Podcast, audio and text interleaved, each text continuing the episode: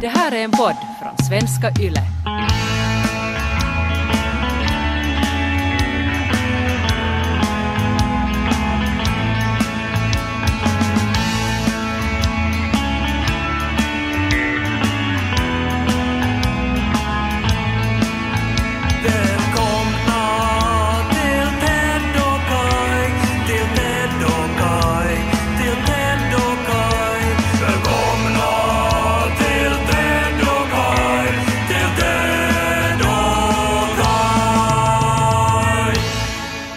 Jag och Niko gifte oss eh, så var det ju många saker man funderade på innan och var ganska orolig för att skulle kunna hända, gå fel. Mm.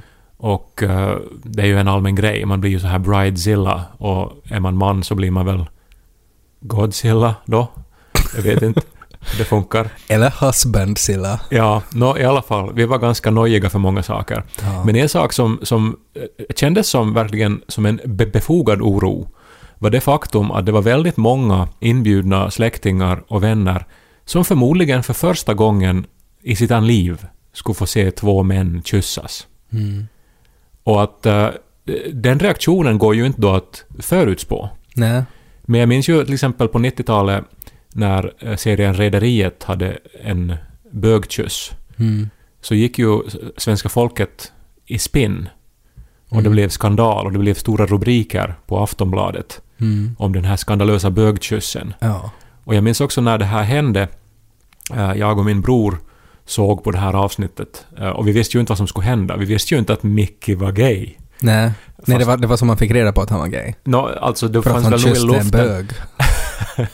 Jag var också så liten då att jag inte förstod det som så att säga hände mellan raderna. Utan Nej. jag bara förstod de här stora händelserna när det Ja. var bomber ombord på MS Freja Ja, precis. och när någon hoppade från fartyget. Mm. Eller då när Mickey då kysste den här mannen. Mm. Och jag minns ju den här reaktionen, den här chocken. Den här, min bror som drar efter andan och uh, utstöter någon sorts chockat ljud. Mm. Jag minns dagen efter i skolan när folk liksom var äcklade och att man som i korridoren pratade om det här att nu, nu har det nog gått för långt. Alltså, alltså uh, usch. Mm. Den reaktionen vill man ju inte ha på sitt bröllop då tänkte jag. Nej, alltså man försöker väl nog undvika det, att folk ska bli äcklade. Ja, och att vi står där då, nu gifte vi oss under en ek. Och det var väldigt så här en, en väldigt somrig inramning. Mm. Och det var blommor och, och det var, människor var ju välklädda och så vidare. Mm. Och, och att liksom där då ta den här risken ändå, att nu kanske någon spyr. Någon, någon som, som, som nu har som mentalt vetat att okej, nu ska vi ju på ett gaybröllop här. Ja, men, det, men är det inte just det som är nyckeln till det här, att man är ändå lite förberedd? Alltså att, att man går ju inte på ett gaybröllop och tänker sådär att alltså jag hoppas, jag hoppas så inte att de kommer att kyssas. För då spyr jag.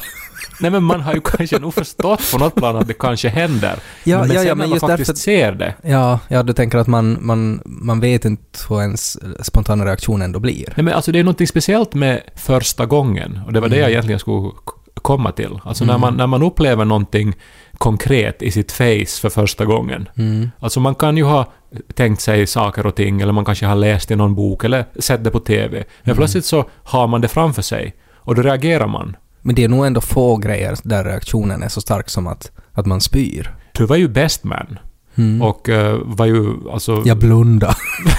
men, men du var ju förberedd på alla möjliga eh, situationer. ja. För att egentligen så hade ju du så att säga ansvaret att om någon nu svimmar så vet du vad som ska hända liksom. Mm. Hade du och pestmaidsen en plan för om någon skulle börja spy? Nej, helt ärligt så måste jag säga att vi hade, vi hade nog ingen sån plan. Att vi hade nog inte...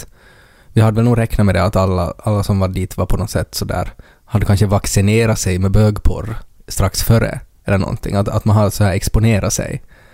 Uh, så att det var nog ingenting vi diskuterade. Och också någonting som jag tror att jag skulle vara obekväm att ta upp under planeringsmöten.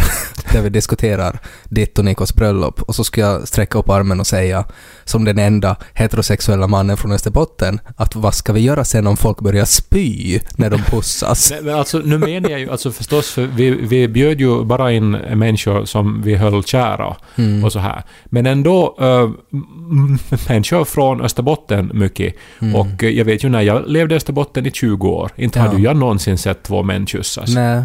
Och så här, att om man har levt hela sitt liv i Österbotten och sen plötsligt då så står de här bögarna framför en och, och, och, och liksom läppar möts. Mm. Det är ju svårt för att inte kan man ju heller, jag menar om man reagerar på ett visst sätt, så be, det betyder ju inte att, att, det är så här liksom primala instinkter, att om, man, om ens reaktion är att nu spyr jag, det där är så fel så nu spyr jag. Men jag tycker nog det är nice att, de, liksom, att man applåderar nog liksom mellan spyorna. Att så kan det ju vara, alltså att, att man kan inte hindra sin instinkt men att man ändå nog tycker att det är fint. Så, och, Men tänk dig till exempel när de, när de hängde Saddam. Så det är ju många säkert som, som kanske skulle spy av det, liksom att man ser en människa blir avrättad och liksom inälvor som strittar och tarmar som liksom allt rinner ut. Men ändå så är det ju nice att, att vi har fått livet av en diktator. men, är det så, inte första du tänker på från liksom bögkyssar till hängningen av Saddam? Men så egentligen om någon står då uh, på uh, mitt och Nikos bröllop och liksom spyr men ler och spyr, alltså Ja. le, ler, applåderar och spyr. Ja. Så då är det ändå ett be bevis på att de, du, alltså har mentalt tagit sig Vet, över. vet du vad jag skulle säga? Jag skulle nästan säga att det är en större acceptans det än de som inte spyr. För det där, det där är, ju, det är ju filosofiskt det där. Att det, det är ju mycket sådär tycker jag, diskussioner med, mellan liksom eh, ondska och, och godhet. Att är det inte en större godhet om du är en ond person som väljer att avstå från att göra ondskefulla saker, än att du är en god person som bara inte gör? Är det inte större att du måste stå emot dina ondskefulla impulser? Är det inte större att du på något sätt liksom står emot dina bögspyreflexer än ja, de som inte alls har det? det är ju som det här att, att lille Scott gör saker eh, fast han är rädd. Ja, exakt. Och då är han ju modigare än Bamse som ju inte är rädd. Mm. Som gör samma sak. Mm. Mm, okej. Mm, Men egentligen så var det, det var det här med första gången. För att sen efter några bögkyssar så är man ju van. Jag börjar ju fundera nu att när är min första bögkyss? Uh, och det har jag nog svårt att säga. Du brukar ju prata om någon gång när vi delade ett hotellrum och så, Mm. och så var min ex och, eh, och, och skulle vara över natten också. Ja, och det lät som, som att det droppade från stalaktiter. Ja, det var just det du har sagt att det lät som i en grotta. Ja, Eh, det lät och, som en grotta. och då vet jag ju inte då, eh, alltså för det där framkallar ju bilder i folks huvud av att vi låg då och hade sex medan du sov bredvid. Nej, det var inte så här, det var inte liksom så, så plaskigt som något juckande, utan att det var bara liksom sån här liksom, bara en kaskad av liksom kyssar som lät som att, att, att det rinner vatten från stalaktiter, eller stalagmiter, jag vet inte vad som är skillnaden, eh, och faller ner i vattenpottar. Mm, men, men så att jag menar, ett antal har du ju be, bevittnat i ditt liv. Jag har väl så svårt med det där för att jag blir ju lite obekväm också när liksom heterosexuella människor eh, har sån här ömhetsbevis. Så blir det också nästan sådär, inte liksom äckelkänsla men så här obekvämhet. Att det är som att man ser någonting för privat eller så här. Ja, det är väl så. Och att jag upplever att jag blir väl, det, det väcker liksom alltid såna, om det inte är just då ett bröllop där det är liksom helt meningen, så, så blir jag alltid lite sådär att åh, det, ska man göra sådär? Men i alla fall kan vi väl då slå fast att du är liksom van. Alltså att Ja. du inte längre reagerar om du ser två män kyssas. Nej, det gör jag nog inte. Och så, så är det ju tror jag för de flesta nog ändå idag. Mm. Men eventuellt inte för alla. Men, men det var det som jag började tänka på när jag var på stan uh, igår. Och så cyklade ett cykelbud förbi som var då på, på väg att dela ut mat någonstans. Mm. Och cykelbudet hade en sån här blå väst. Men sen hade eh, han eller hon då en stor gasmask på ansiktet. Med Alltså en sån sånt här klassisk gasmask. Ja, en sån här som man ser Som finns liksom, i serien Tjernobyl liksom. ja, eller på loppis i Nykarleby. Ja, precis. Med ett sånt här stort uh, löstagbart filter så här, Mm. som ser ut som en, som en konservburk som Mm. sitter fast vid masken. Ja. Och uh, cyklade då förbi mig. Och jag och Niko uh, stannade inte ens. Eller som, alltså, alltså vi, vi som reagerade inte på det. Nej. Innan jag tio steg senare reagerar på att vi inte reagerar. Mm. Och att det är som där vi är nu, Ren. Mm. Alltså något som Men är du, varit... helt, är du helt säker på då att, att det var på grund av coronapandemin? Eller kan det bara ha varit att han var en painslut på promenad? Nå, nu var han ju på jobb, eller hon, Ja. eh, för att eh, hade det här eh, företagets väst på sig, som Ja. en, en- av de här tjänsterna som delar ut mat. Mm. Och, och det här, så att jag har nog sk- sk- skäl att anta att det var då på grund av corona. Ja, Det är också väldigt få människor ute på stan nu. ja så är det. Vi var ute på en kvällspromenad på lördag också när det ju vanligen är helt smockfullt i centrum. Mm. Och, och det var i princip ingen. Alltså helt ungefär som att vara i Jakobstad en, en vinterkväll. Mm. Liksom. Eh, där det, det vanligtvis då är faktiskt hundratals människor och, och mycket bilar och cyklar och allt möjligt.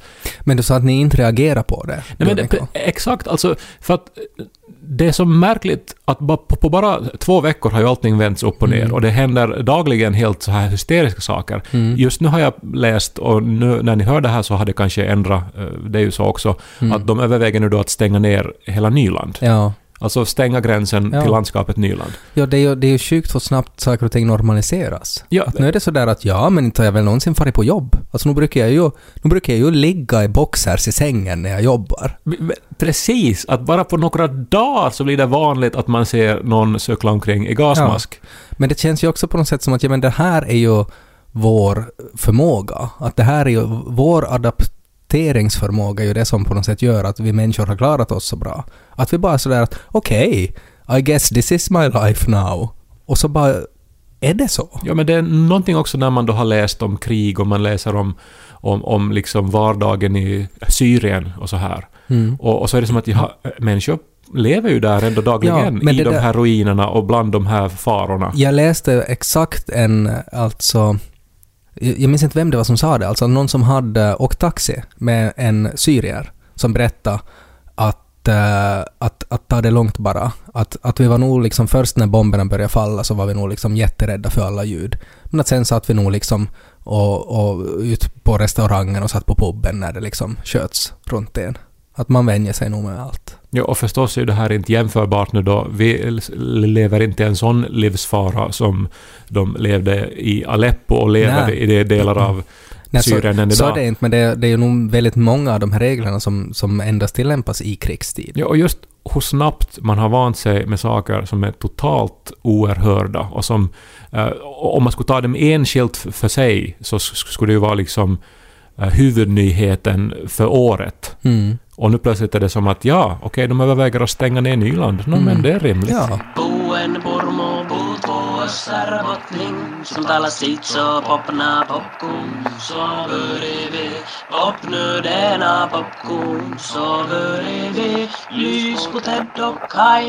Vad tycker ni skulle ha varit en bra plan då?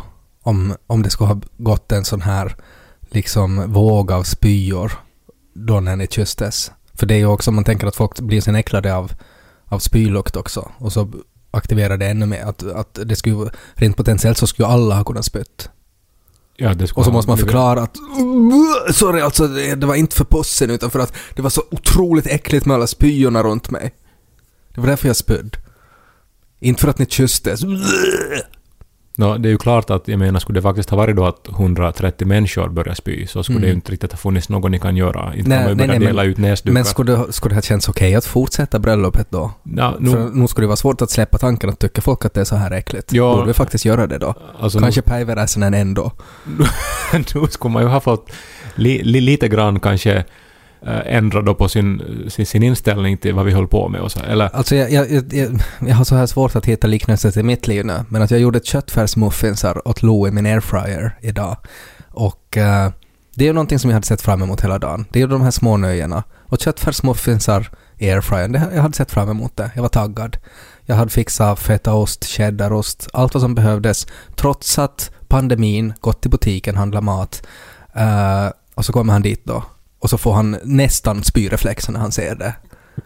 Och säger att pappa, jag vill inte äta det där! Och att han börjar liksom gråta och att han grät så mycket så att han nästan börjar spy.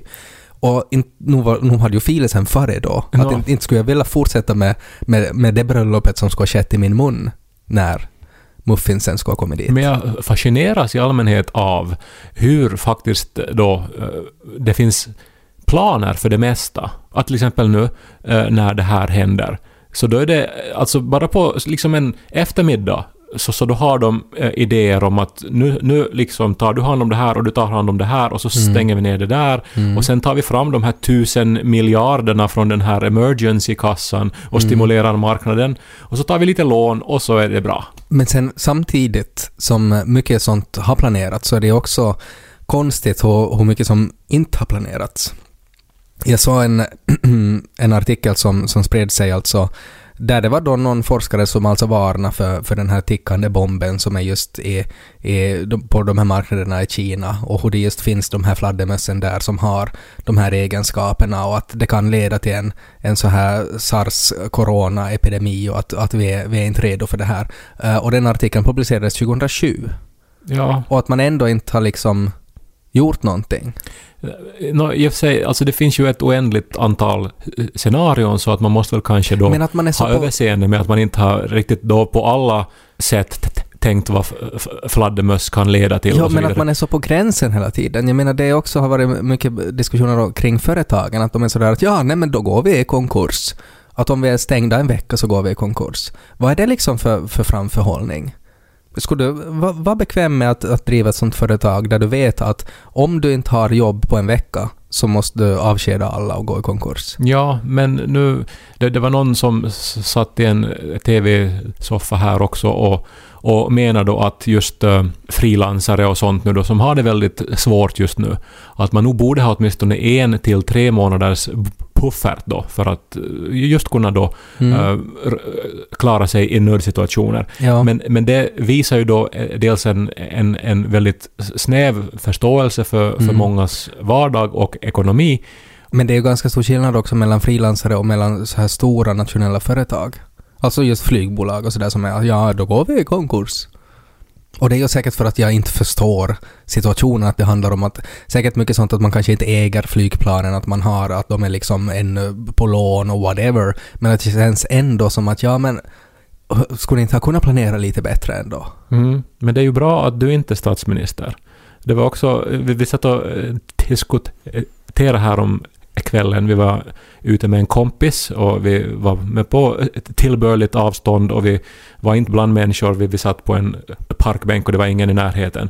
Och de diskuterade här nu då att men om hela världen nu då hamnar in i en recession, Mm. så att precis hela världen är i recession, går det inte bara att då bestämmer vi att allihopa att nej men vi är inte i recession. Vi går vidare som om inget, som om det här inte skulle ha hänt. Mm. Och så här. Och sen eh, tyckte jag då ett, ett ögonblick att ja men det här är ju en, liksom det här är ju lösningen på allt nu då. Det här är ju bara i, i våra huvuden. Jag skulle se den presskonferensen där Sanna Marin säger det. Hörni, jag har goda nyheter. Simsalabim! Ja, vi trollar bort det. De säger att två veckorna hände inte nå. Ja. Ja men alltså, det är ju liksom med människor så, som har den här komplexa förståelsen för hur saker och ting funkar. Det är ju bra att än så länge så är det mestadels de som är i de här styrande posterna. Så har man ju då sådana här te- tendenser då att nu har vi en president i USA som ju uppenbarligen då inte har koll, utan som går på magkänsla. Nu har han ju till och med sagt det där alltså att nu, nu har han ett botemedel som var väl nästan giftig.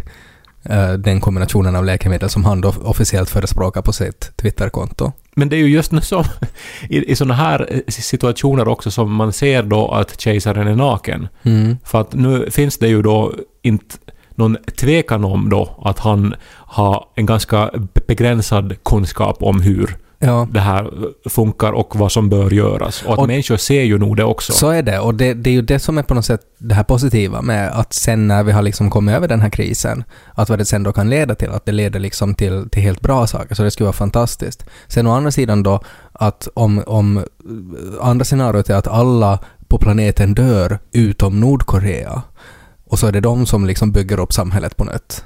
Så det skulle vara spännande. Det har jag funderat väldigt mycket på, för de är ju så isolerade och de skjuter ju liksom att om man går ut eller går in, så att de, är de, de har ju det ganska bra ställt.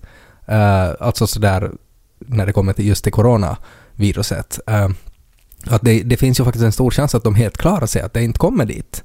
Men, Ja, om, men- om det sen de muterar och, och, och liksom blir ännu värre än vad det är och sprider sig ännu mer över världen, så sen är det bara för dem då att, att de blir liksom jordens supermakt, för det finns ingen annan kvar.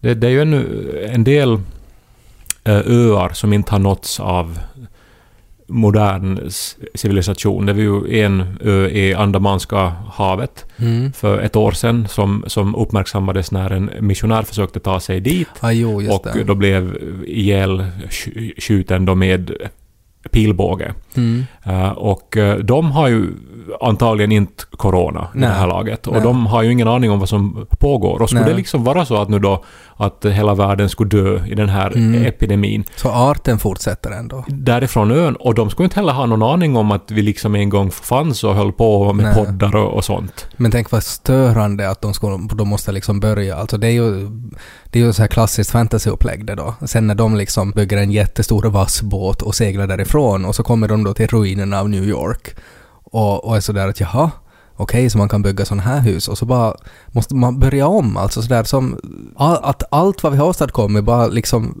spolas bort. Ett annat intressant upplägg nu som jag hörde om i en annan podd, jag försöker minnas vilken det var nu, det var någon av de här amerikanska politiska poddarna jag lyssnade på, whatever, eh, om eh, att det pågår Big Brother i många länder Mm. just nu.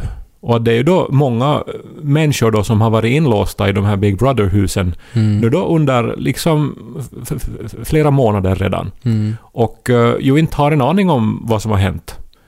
Tänk nu då om världen utplånas då. Men att de är ju isolerade så de får ju inte det här viruset. Ja, det är bara B-kändisarna kvar.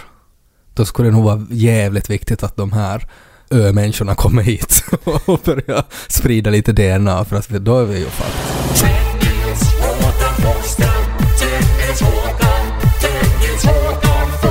Det här är ju det här årets stora händelse förstås, men eventuellt också eh, en generationsgrej. Alltså det, det här är ju ett nytt 9-11 liksom. Mm. Och alla barn som är i skolan nu så, så kommer ju aldrig förstås att glömma det här. Den här Nej. våren då man... Skolan stängdes ner. Mm. Jag menar, fan, alltså det är ju en dröm men samtidigt så, eh, vad, jag nu har hört från må- många elever så är man också väldigt frustrerad. Mm. För att man ju inte heller får träffa sina vänner och så vidare. Ja, och tänk för alla de som blir utan closure. Alltså sådana som, som kanske går ut högstad eller går ut gymnasiet eller någonting och som har liksom sett fram emot att yes, är vi klara det här, vi är liksom, vi är liksom 2020 uh, uh, abbe, abbe, abbe, hej, hej, hej och allt vad man nu säger. Och sen får man inte någon closure för att man var sen inte där med sina kompisar och sen var terminen slut och sen var det sommarlov och sen var det hej hej och så får man betyget på e-posten. Men Exakt. det. Och jag menar, corona blir ju säkert ett av årets så här eh, ord som, som Mm. liksom ha- används mest och som på något vis får symbolisera året 2020. Ja. Och liksom eh, pandemi, karantän, social distancing och så Mm. vidare. Mm. Hittade en funktion på Merriam-Websters, eh, alltså ordboken, Ja. eh, deras hemsida, där man då kan se år för år eh, vilka ord som har tillkommit vissa år. Ja. Och det här är ju intressant för det här säger ju då en hel del om året då och liksom vad som då har varit nytt och vad som har diskuterats mycket. Mm. Och eh, nu, för, som sagt, för i år, det är ju ännu för nytt att säga, de har inte eh, pu- publicerat någon sån lista för att vi har just börjat det här året, men helt säkert kommer det att vara mycket med den här eh, pandemin. Mm. Men vi är födda 1983 och det finns eh, en massa ord då som alltså då har ta- tagits in i ordboken och som man får anta då att har varit väldigt omtalade det året. Mm, jag tänker då någon gång på 90-talet så finns det faktiskt liksom bögkyss då som ett ord. Det har jag inte, det här på engelska förstås. Ja. Eh, Gay så- kiss. Men antagligen alltså. Ja. För att det var säkert då ett av de mest omtalade skandalerna liksom det året. Så Ja. det har säkert satt sina spår. Ja, men Men vad var det här- 83 då? Nå, för, för det här berättar också liksom om hur saker som vi tar för givna i Mm. livet Mm. en gång har varit lika nya som corona liksom. Mm. Och 83 så har bland annat då ordet AIDS tagits eh, Ja. med. Ja. Och eh, det är ju någonting som alla idag vet vad det är förstås och som vi ju har eh, ett förhållande till som miljoner människor lever med och så vidare. Mm. Eh, en annan grej, hiphoppare. Intressant.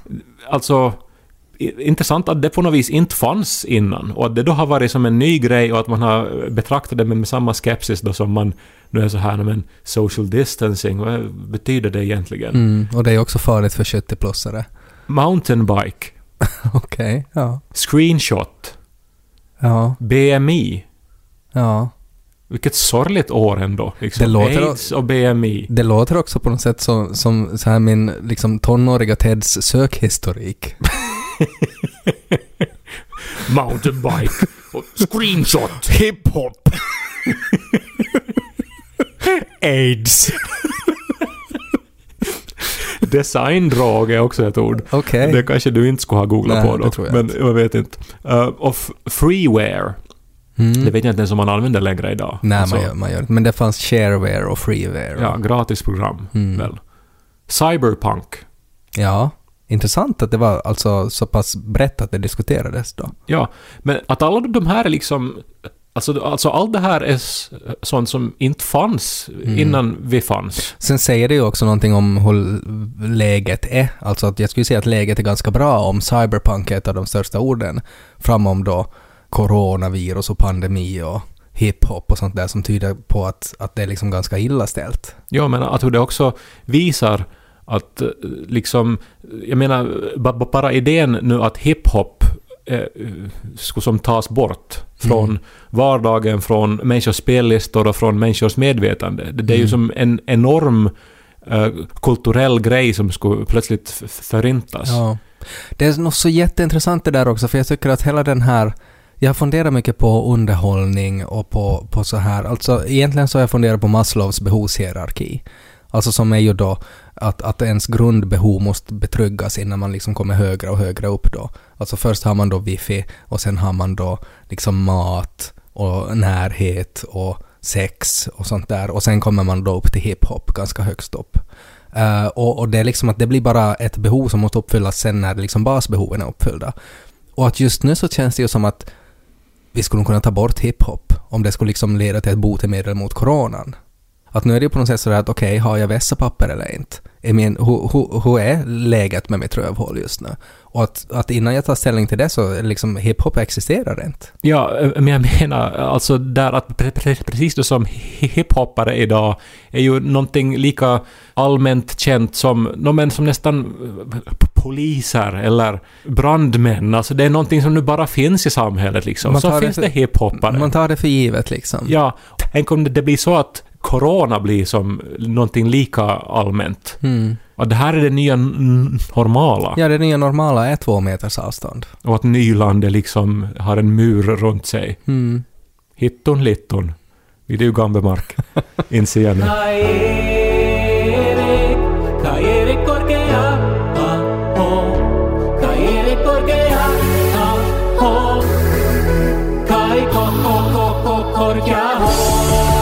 på tal om Gambemark, så tänk hur länge sen efter det här, alltså hur, hur det kommer att på, liksom påverka kulturfältet, alltså hur mycket det kommer att göras kring coronapandemin. Kommer att börja skriva så här liksom coronaromaner och det är så här att ja, att man måste nog beakta att det här skrevs ju då under karantän. Alltså sådär li, lika som det finns så här liksom krigstida noveller och sånt där. Mm, ja, eh, där har jag också nu läst eh, arga författare som har uppmanat andra medförfattare då att skriva inte om corona nu, utan nu måste vi som först se vad det här leder till och vad det betyder och hur det på- påverkar samhället innan vi då kan börja göra litteratur av det hela. Nu ska vi först leva det, sen ska vi göra litteratur av det. Mm. Ja, men det är ju en helt vettig uppmaning. Jag tänker ju på något sätt sådär sen då när Lo är liksom 30 och, och det är sådär att, att far, berätta om när jag var fyra, när det var coronatider. Och så får jag då liksom ja, nu ska vi skåda i lådor. Och så har jag av någon anledning liksom printat ut så här liksom chattkonversationer och sånt så här. Liksom att ge ett foto då jag distansar från arbete.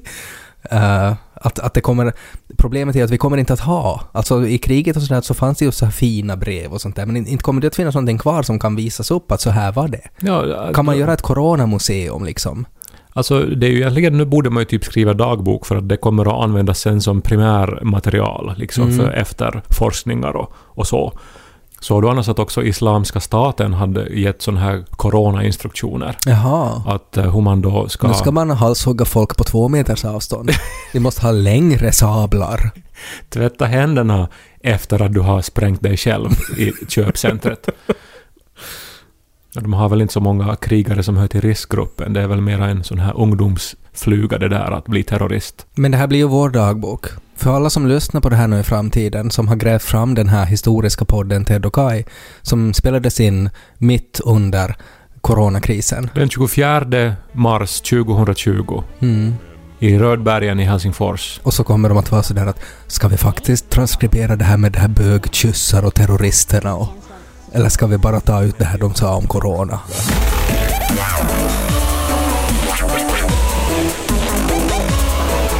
Mel Gibson.